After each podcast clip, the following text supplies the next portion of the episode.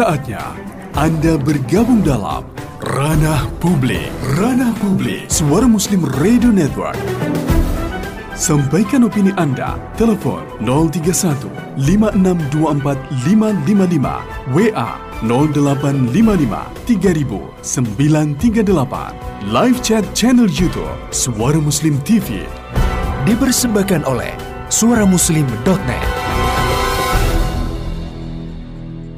Mitra Muslim, keran investasi minuman keras atau miras resmi dibuka menyusul terbitnya Peraturan Presiden Republik Indonesia Nomor 10 Tahun 2021 atau Perpres 10 2021 tentang bidang usaha penanaman modal.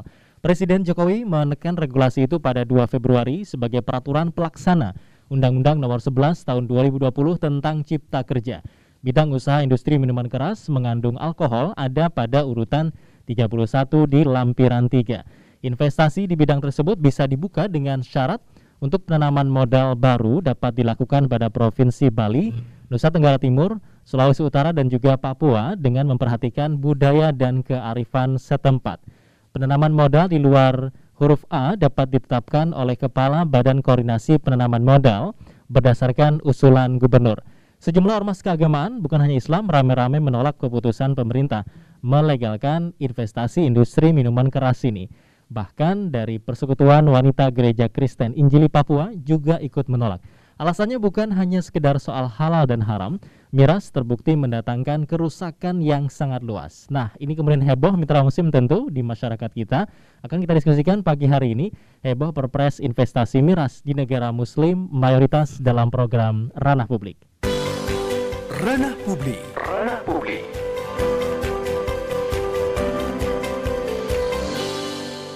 Hari ini Senin senang sekali saya Muhammad Nasir yang menemani Anda dalam program Ranah Publik dan tentu juga mengucapkan selamat bergabung kembali untuk Anda yang sudah menunggu Ranah Publik dari hari Jumat ya dan menunggu untuk tema ini diangkat dalam program Ranah Publik karena sangat menghebohkan sekali dan kita akan diskusi pagi hari ini Mitra Musim dengan narasumber ada Dr. Amir Syah Tambunan Sekjen Majelis Ulama Indonesia Pusat yang terhubung di sambungan telepon. Assalamualaikum Ustaz.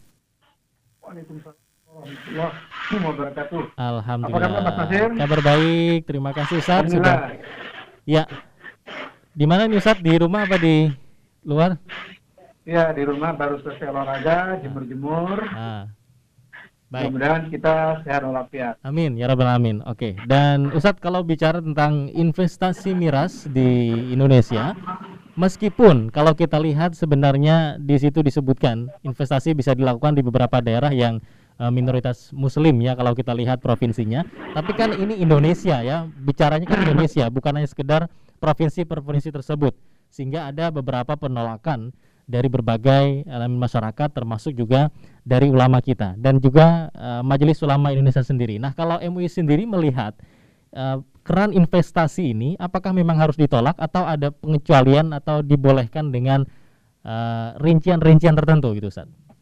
Baik, terima kasih. Ya.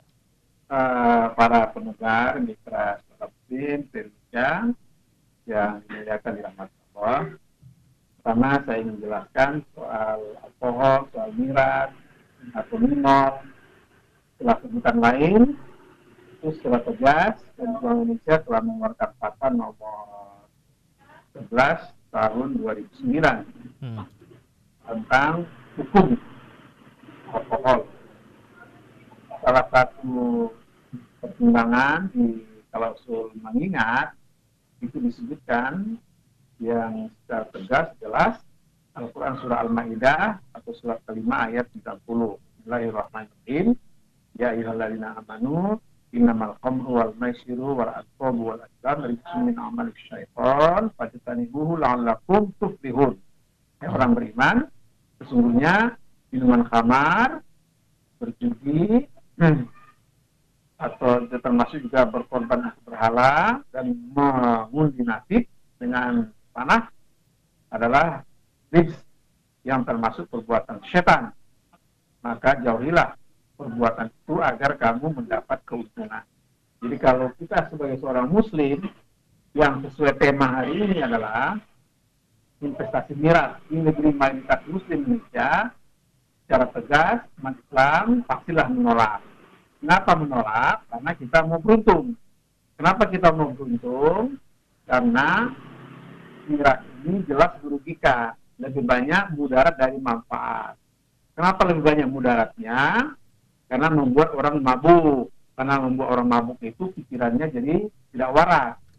Jadi orang yang waras itu adalah orang yang harus menolak miras. Sebaliknya, orang yang ya, orang ya, yeah. orang yang waras itu harus orang yang menolak miras. Mengapa? Karena miras itu bisa membuat akal tidak waras. Gitu kan? Iya. Yeah. Nah, oleh karena itu negara mereka muslim, khususnya umat Islam, ya saya pribadi mengajak, menghimbau agar uh, menolak. Dalam arti tidak meminum.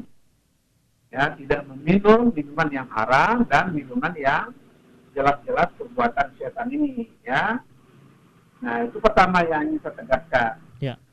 dan ini bentuk komitmen dari uh, himayatul ummah. Atau bagaimana Majelis Ulama Indonesia melindungi umat dan juga bentuk MUI tanggung jawab MUI untuk khadimul ummah yaitu melayani umat. Dan bentuk tanggung jawab MUI untuk takwiyatul ummah yaitu penguatan umat. Agar umat ini tidak lemah. Karena kalau orang mabuk mengkonsumsi miras itu pasti lemah.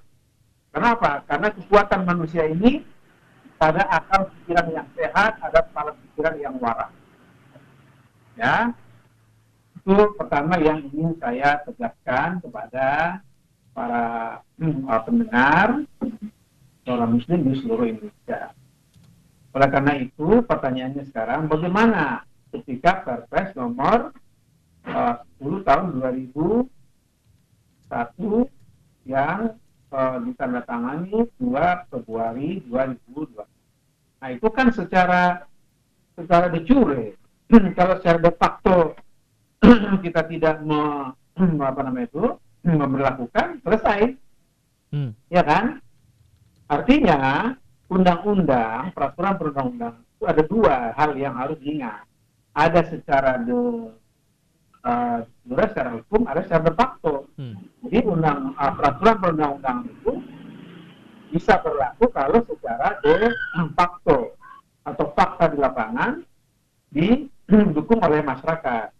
Tapi saya yakin mayoritas Muslim di Indonesia itu sepaham sejalan dengan apa yang saya sampaikan karena Quran adalah eh, landasan hukum terpilih bagi umat Islam eh, tidak akan mengkonsumsi minuman beralkohol ini.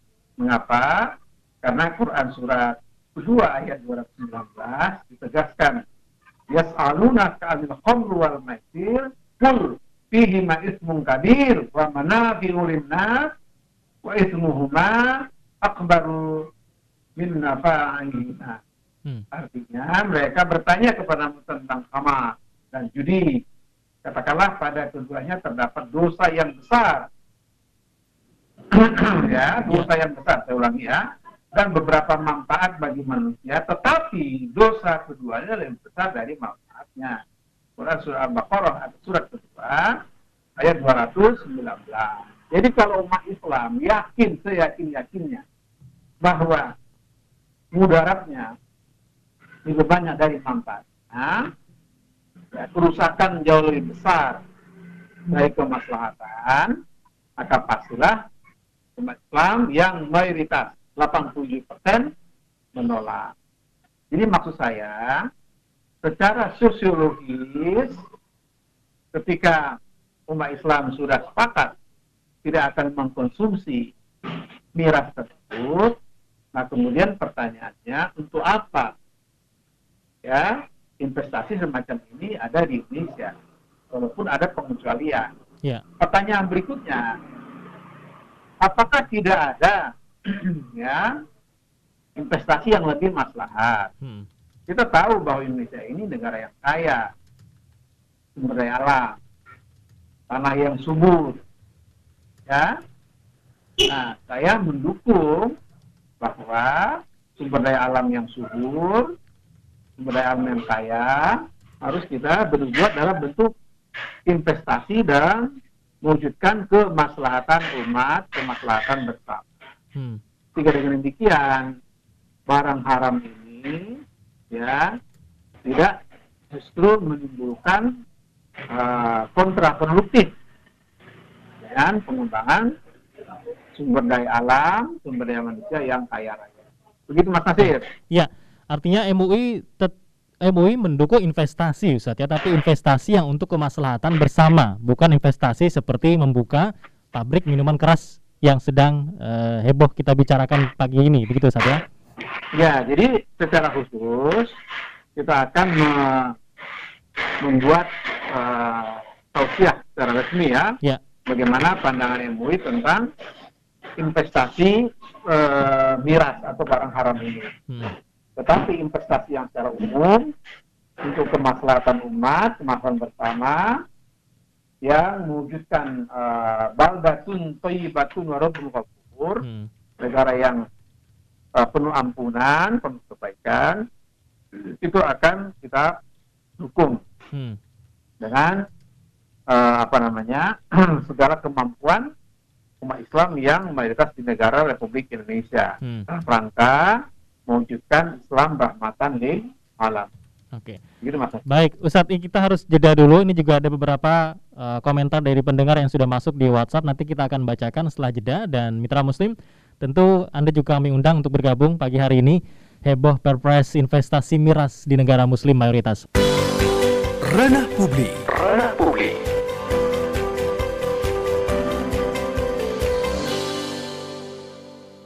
Ya, Ustaz. Ya. Ya, saya bacakan ya. komentar dari pendengar ya di WhatsApp. Ada Ibu Ria ya. di Pakis yang menyebutkan uh, berarti ap, kalau tadi Ustaz sebutkan merusak akal minuman keras itu berarti apakah merusak akal itu merupakan kearifan lokal dari daerah-daerah itu ya? Karena disebutkan ini kan kearifan lokal di daerah yang dibolehkan tersebut. Tapi apakah kemudian pertanyaan beliau juga uh, mayoritas masyarakat di sana di provinsi-provinsi tersebut juga apakah setuju dengan keputusan ini?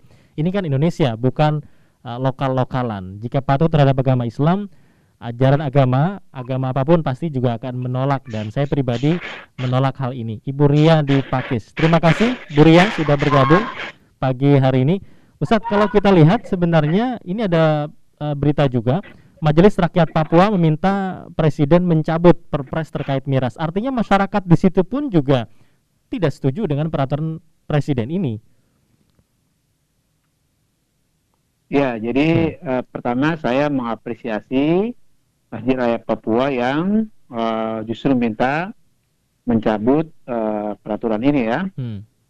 Karena apa yang dimaksud dengan kearifan lokal menurut saya uh, uh, tidak benar itu ya kearifan hmm. lokal Papua itu bukan itu hmm. ya banyak para ahli peneliti tentang Papua itu saya pernah ke Papua ya, ya.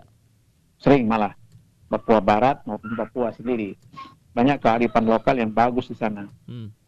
Jika miras. Miras itu justru itu adalah budaya hidup di Eropa itu. Kenapa budaya di Eropa? Karena Eropa itu daerah dingin. Hmm. untuk pemanas lewat uh, minuman semacam itu. Ya juga di masa jahiliyah ya itu budaya jahiliyah yang mabuk gitu hmm. setelah masuk Islam maka kemudian di banyak ayat seperti yang disebutkan di atas tadi ya. ya itu sudah jelas tegas mengharamkan di dalam banyak hadis di antaranya hadis Muslim dari Ibnu Umar sebagaimana dalam kitab Sahih Muslim juz 3 halaman 1587 ya. yaitu hadis nomor 2003 menyebutkan ya. kullu muskirin haramun wa kullu muskirin haraman hmm. Ya semua yang mabukkan adalah kamar dan semua yang mabuk itu adalah haram. Ya kalau kita lihat dalam sebuah hadis yang singkat dan padat makna juga disebutkan kullu syarabin ya hmm. askora bahwa asukora bahwa haramun.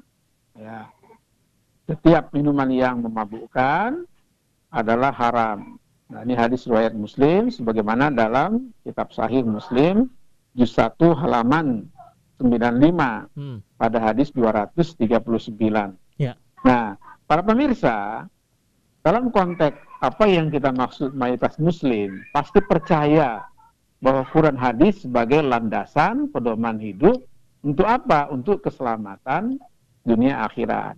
Hmm. Pasti yakin bahwa Quran hadis yang dipahami, yang diamalkan akan dapat uh, menolak segala macam bentuk minuman yang memabukkan, apalagi merusak akal pikiran. Hmm. Nah, karena uh, tradisi minuman bagi orang-orang Eropa dengan orang-orang Indonesia itu berbeda jauh. Seperti saya katakan tadi ya, orang yang uh, mengkonsumsi miras Indonesia tingkat pendidikannya rendah. Ini tidak mampu menakar ya seperti apa minuman yang harus dia minum sebagai pemanas, penghangat. Dan faktanya di lapangan, para pemirsa, hmm. saya kira uh, tugas kita semua untuk meneliti ya berapa yang uh, overdosis berujung kepada kematian. Karena miras banyak ya. sekali. Hmm. Sudah tidak terhitung lah menurut okay. saya. Ya, Ustaz, kita nggak usah dipungkiri, nggak hmm. usah dipungkiri. Oh, manfaatnya ada, enggak. Lebih banyak mudarat dari manfaat. Begitu, Mas. Ya, kita ke penelpon Ustaz. Ada yang menunggu di Gresik. Pak Ali, Pak Ali, assalamualaikum. Waalaikumsalam warahmatullahi wabarakatuh. Ya, terima kasih sudah menunggu. Pak Ali, silahkan. Selamat pagi, Ustadz. Pagi, Mas. Saya Ali di Gersik. Saya kok kurang setuju ya. Hmm. Karena apa itu? Biarpun di daerah minoritas muslim kita kan bicara NKRI. Seharusnya Bapak Presiden tuh membatalkan lah perpu itu. Hmm. Terus kalau kita mau mengambil hikmah terlalu banyak hikmah yang kita bisa ambil khususnya di kasus Imam Barseso itu itu kan hmm. gara-gara minuman akhirnya jadi nggak karu-karu sampai musrik meninggal dunianya itu hmm. iya ya terima kasih ya. Assalamualaikum warahmatullahi wabarakatuh Waalaikumsalam warahmatullahi wabarakatuh Pak Ali di Gresik terima kasih yang meminta Presiden tadi untuk mencabut ya peraturan Presiden Pak bukan Perpu ya dan uh, Ustadz tadi menyebutkan kearifan lokal di daerah Indonesia termasuk Papua itu bukan minum miras. Ini kan seakan-akan menganggap mereka adalah orang-orang yang kearifan lokalnya suka minum miras. Iya. Hmm. Karena saya katakan cukup banyak alasan ya. Iya. Bahwa uh, mayoritas Muslim di Republik ini pastilah menolak. Saya yakin, saya hakul yakin itu. Nah, seperti saya katakan tadi di awal, terus kemudian kalau diinvestasikan, siapa yang mau mengkonsumsi? Hmm. Dan di dalam banyak ajaran uh, agama di luar Islam juga jelas tegas bahwa ini minuman yang bertentangan hmm. ya dengan eh, prinsip-prinsip uh, beragama. Dan kita ketahui apalagi Indonesia ini adalah negara yang berketuhanan yang Maha Esa. Yeah. Artinya apa? Artinya ketuhanan yang Maha Esa di dalam Pancasila secara jelas dan tegas mengatakan bahwa pasal 29 ayat 2 itu jelas sekali bahwa negara memberikan apa itu namanya jaminan sekaligus kemerdekaan untuk memeluk agama dan untuk beribadat menurut agama dan keyakinannya itu. Nah, karena ini minuman keras bertentangan dengan ajaran agama, maka sudah sepatutnya semua umat beragama tanpa kecuali ya tanpa kecuali agama apa pun. Tadi saya dalam Islam sudah menjelaskan secara panjang lebar. Ya. Jadi dalam agama apa pun pastilah menolak eh, apa namanya minuman keras yang semacam ini, apalagi mau ditradisikan, apalagi mau dikatakan kearifan lokal. Kearifan lokal yang mana? Hmm. Ini kan yang menjadi pertanyaan banyak orang. Kearifan lokal siapa Jadi, itu ya? kearifan lokal siapa. Ya. Nah ini yang saya khawatirkan ya. Untuk apa sebuah aturan ya kalau aturan itu tidak diimplementasikan. Sementara banyak aturan-aturan yang kita buat di Republik ini yang baik-baik, yang mendatangkan maslahat, yang hmm. meningkatkan produktivitas ekonomi. Ya. Kenapa bukan itu yang kita prioritaskan? Ini kan pertanyaan kita semua. Kita tahu bahwa negara ini memang lagi sulit. Kita tahu bahwa keuangan ya kita memang lagi memerlukan uh, investasi. Tapi pertanyaannya, kenapa bukan investasi yang lebih maslahat? Hmm. Itu yang saya katakan tadi Betul. di awal. Nah karena itu saya pribadi sebagai warga negara yang baik, ya soal sikap MUI nanti kami akan sampaikan secara resmi ya. Oke. Okay. Tapi saya pribadi dan selaku Sekretaris Jenderal Majelis Ulama Indonesia itu jelas-jelas menyesalkan ya adanya uh, perpres ini. Hmm. Ya kan, begitu Mas. Baik. Ya, berikutnya ini ada Ibu Suharti yang menuliskan pesan. Semoga pejabat yang mengendalikan negara ini yang mayoritas muslim tunduk dan patuh pada Al-Qur'an. Terima kasih Ibu untuk komentarnya. Kemudian Ibu Miati juga menyebutkan pemerintah harus tegas menjaga rakyatnya agar merasakan keadilan dan kemakmuran ya, bukan justru malah melegalkan pabrik miras yang haram. Terima kasih Bu Miati. Ustadz kita harus kembali jeda nanti dilanjutkan di sesi berikutnya. Ranah Publik. Ranah Publik.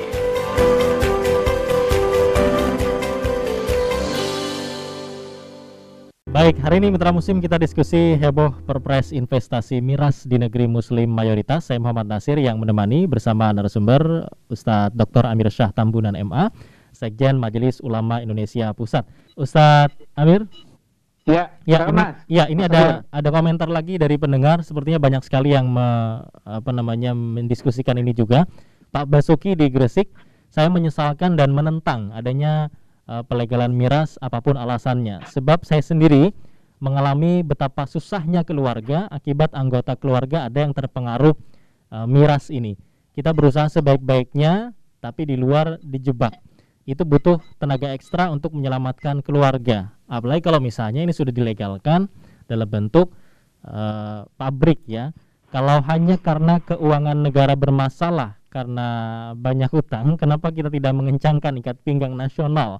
Gotong royong agar negara tidak banyak hutang dan pengeluaran ditekan. Misalnya gaji dipotong, makan seadanya dan lain-lain. Jadi saya tidak habis pikir dengan keluarnya perpres tersebut. Itu Pak Basuki. Terima kasih sudah bergabung. Ustadz ini juga menarik. Ini sebagai turunan dari Undang-Undang Cipta Kerja. Apa jangan-jangan sebenarnya adalah pesanan dari para pembuat undang-undang yang di sana di antaranya adalah para pemodal untuk industri miras ini sendiri.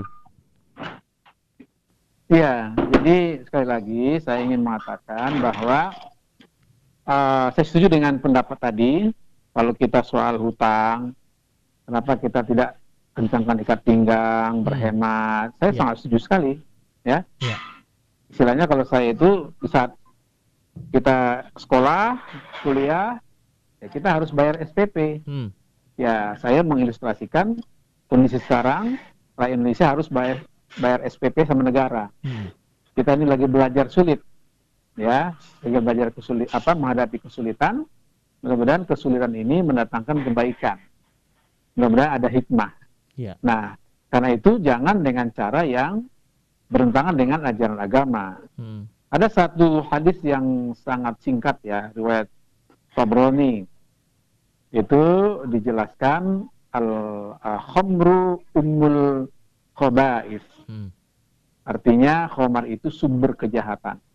Hadis riwayat At-Tabrani, Ad-Darqutni dan Ibnu Hibban. Hmm. Ya, ini adalah hadis sahih. Jadi kalau Rasulullah sendiri sudah tegas mengatakan bahwa al-khamru ummul khaba'is itu artinya akan ya sangat berbahaya sekali. Ya. Yang selama ini tidak dilegalkan sudah cukup banyak bahaya, apalagi dilegalkan. Hmm. Nah ini kan repot kita ini. Bernegara ini kan tidak hanya urusan kepala negara.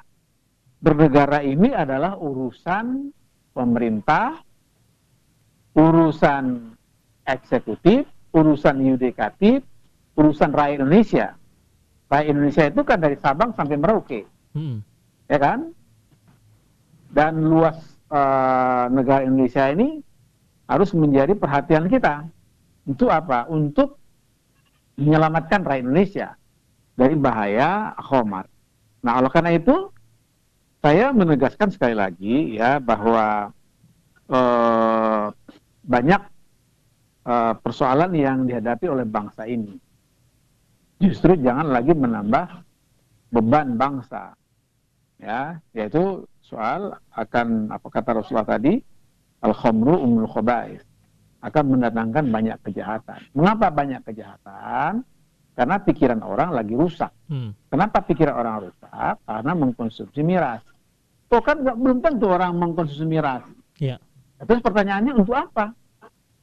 Investasi. Ya kan? Hmm. Walaupun di daerah tertentu, ya kan pasti mau dijual. Apalagi akan dijual di eceran. Apalagi akan dijual lebih bebas lagi. Nah, hmm. ini kan berbahaya ini. Nah, oleh karena itu bagi saya ya tidak ada apa namanya alasan yang bisa diterima oleh akal sehat. Okay. Kalau kemudian kita untuk mempertahankan investasi miras ini. Dan ya, kalau ya, ya, dan kalaupun misalnya ada uh, wacana yang disebutkan ini untuk produksi ekspor. Jadi di di uh, diproduksi di Indonesia kemudian dipasarkan di luar. Bagaimana? Nah, kalau menurut saya begini ya, banyak uh, hal yang harus kita lakukan dalam melakukan ekspor impor supaya seimbang, hmm. supaya neraca perdagangan kita positif.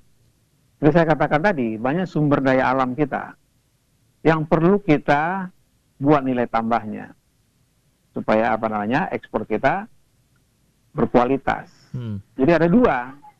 Pertama sumber daya alam yang kaya raya ini harus kita uh, kemas sedemikian sesuai dengan standar ekspor impor internasional. Hmm. Saya banyak berdiskusi dengan para ahli ya, bagaimana meningkatkan daya saing ekspor impor kita, terutama ekspor keluar. Hmm. Maka itu yang harus kita lakukan. Jadi bukan justru melakukan hal-hal yang bersifat kontraproduktif hmm.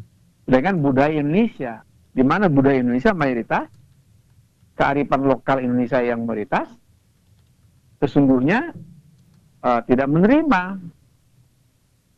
untuk menjadikan khamar ini sebagai minuman tradisi. Hmm. Tidak ada dalam kamus apa pun di dalam budaya Indonesia tidak ada minum khamar ini yang dijadikan sebagai kearifan lokal. Dalam budaya Indonesia nggak ada itu. Jelas tegas ini adalah pesanan para investor yang liberal. Hmm. Ya, saya ingin ulangi ini pesanan para inspektor yang liberal. Pertanyaannya sekarang mau ke mana Indonesia yang dibawa? Kalau hal-hal yang semacam ini justru tidak mendapat perhatian serius dari kita semua dalam konteks berbangsa bernegara. Begitu, Mas. mas Baik, jadi oke. Okay. Uh, eh, terima kasih Ustadz. Ada pesanan dari investor yang mungkin mereka sudah sangat lama sekali ingin membuat uh, pabrik miras ya, sehingga tadi orang Papua pun merasa tidak pernah diajak uh, bicara ataupun juga tidak pernah diajak untuk sharing pendapat tentang uh, peraturan presiden ini kok kemudian tiba-tiba muncul dan menyebutkan boleh di uh, di uh, provinsi mereka padahal mereka sendiri juga tidak setuju. Ranah publik. Ranah publik.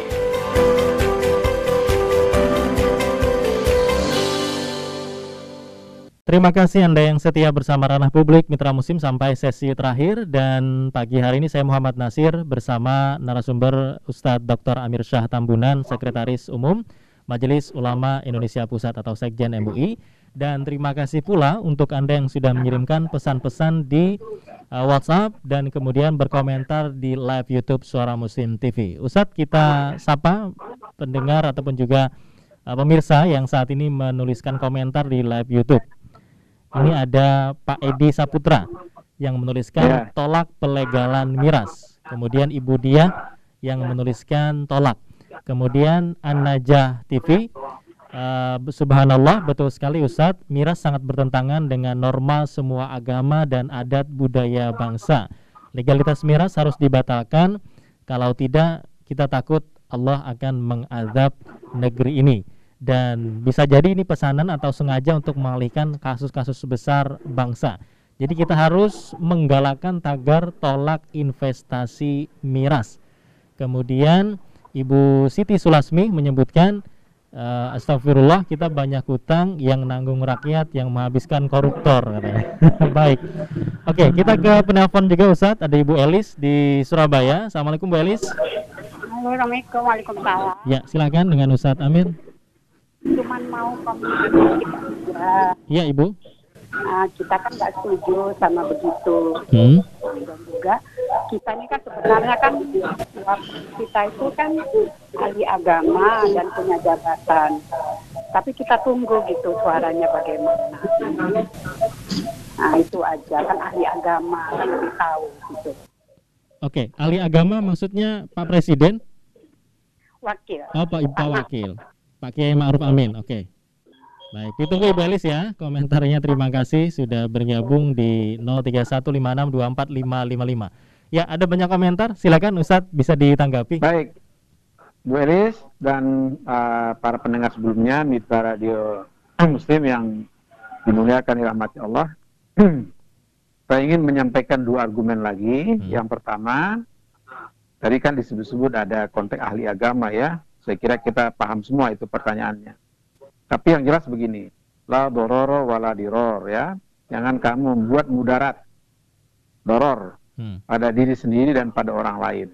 Ini hadis riwayat Ibnu Majah dan Daruqutni.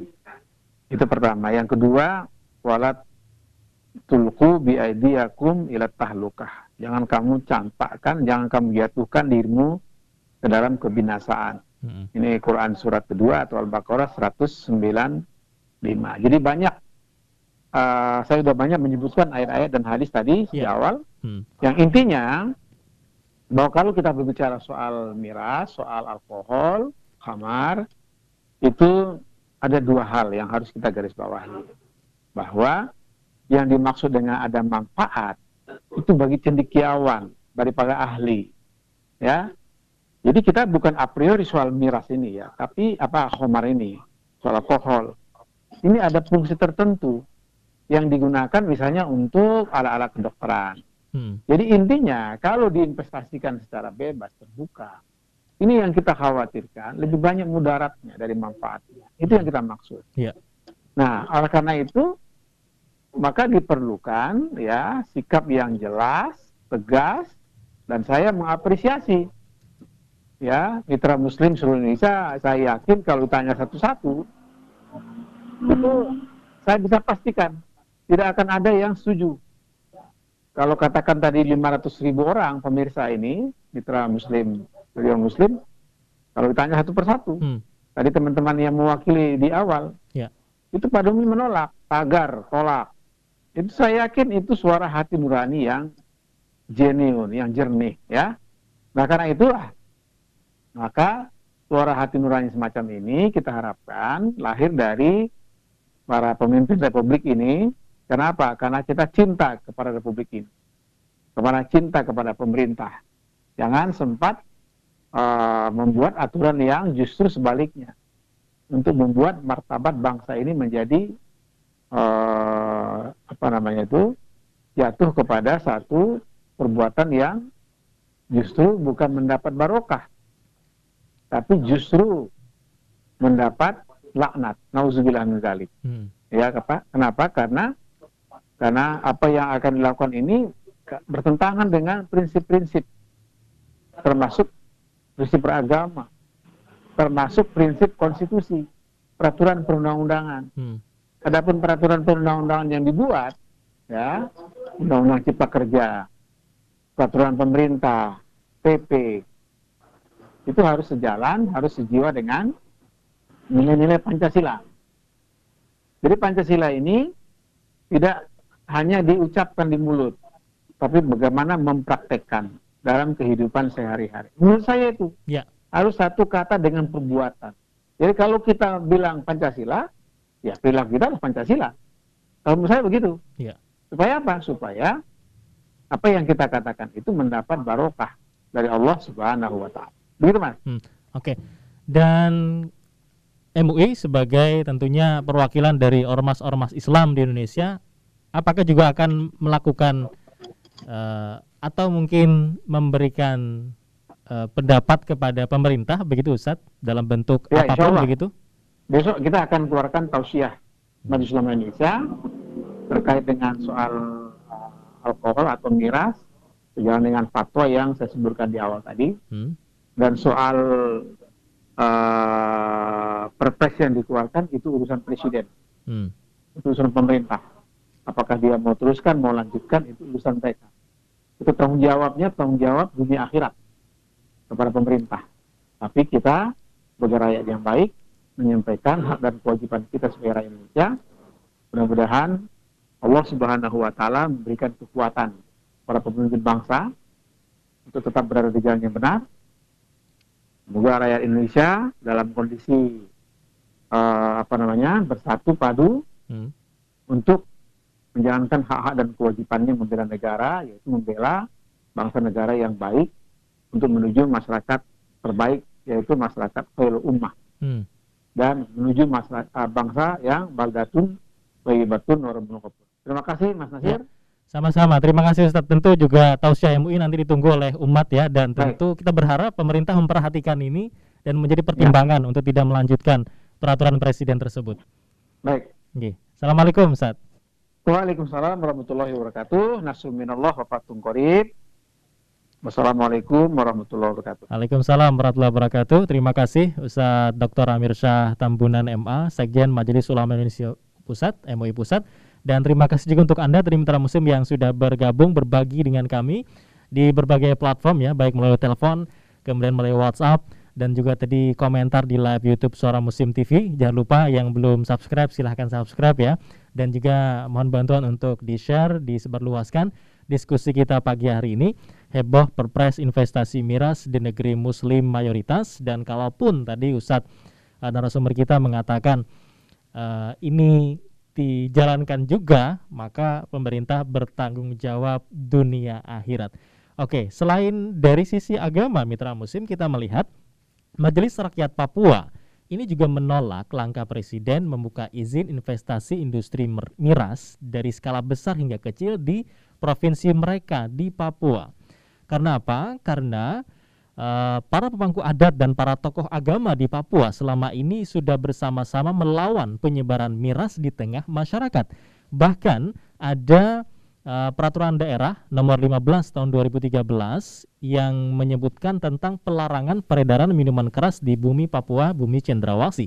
Sehingga dengan adanya peraturan presiden ini mereka pun menolak dan menganggap uh, hal itu tidak boleh ada di tanah Papua. Itu dari segi tentu lokal. Yang disebut tadi kearifan lokal, ternyata mereka pun di lokal sendiri menolak. Baik, seperti apa kelanjutannya ini tentu kita menunggu ya apa nanti akan dilakukan oleh ya, pemerintah, apakah tetap meneruskan uh, peraturan presiden ini atau justru memperhatikan masukan dari berbagai pihak yang menolak Indonesia uh, membuka peluang sebesar-besarnya investasi perusahaan atau pabrik miras dari skala besar sampai skala kecil. Jangan sampai ketika Tesla nggak jadi investasi di Indonesia, justru perusahaan miras yang kita undang di negeri ini. Baik, saya Muhammad Nasir dan segenap kru yang bertugas pagi hari ini mengucapkan terima kasih. Produser eksekutif Raga Satria, Gatekeeper Elsa Khairunisa, videografer Edi Haryanto, dan rekan-rekan yang bertugas di Suara Muslim Lumajang, Suara Muslim Tuban, Samar FM Tulung Agung, Angka 17 Temanggung, Jawa Tengah, dan juga Pesona Wangi Banyuwangi pamit dari ruang dengar Anda. Subhanakallahumma bihamdika asyhadu alla ilaha illa anta astaghfiruka wa atubu ilaik. Maha suci Engkau ya Allah dan segala puji bagimu. Kami bersaksi tiada Tuhan yang berhak diibadahi selain Engkau. Kami mohon ampun dan bertaubat kepadamu. Assalamualaikum warahmatullahi wabarakatuh.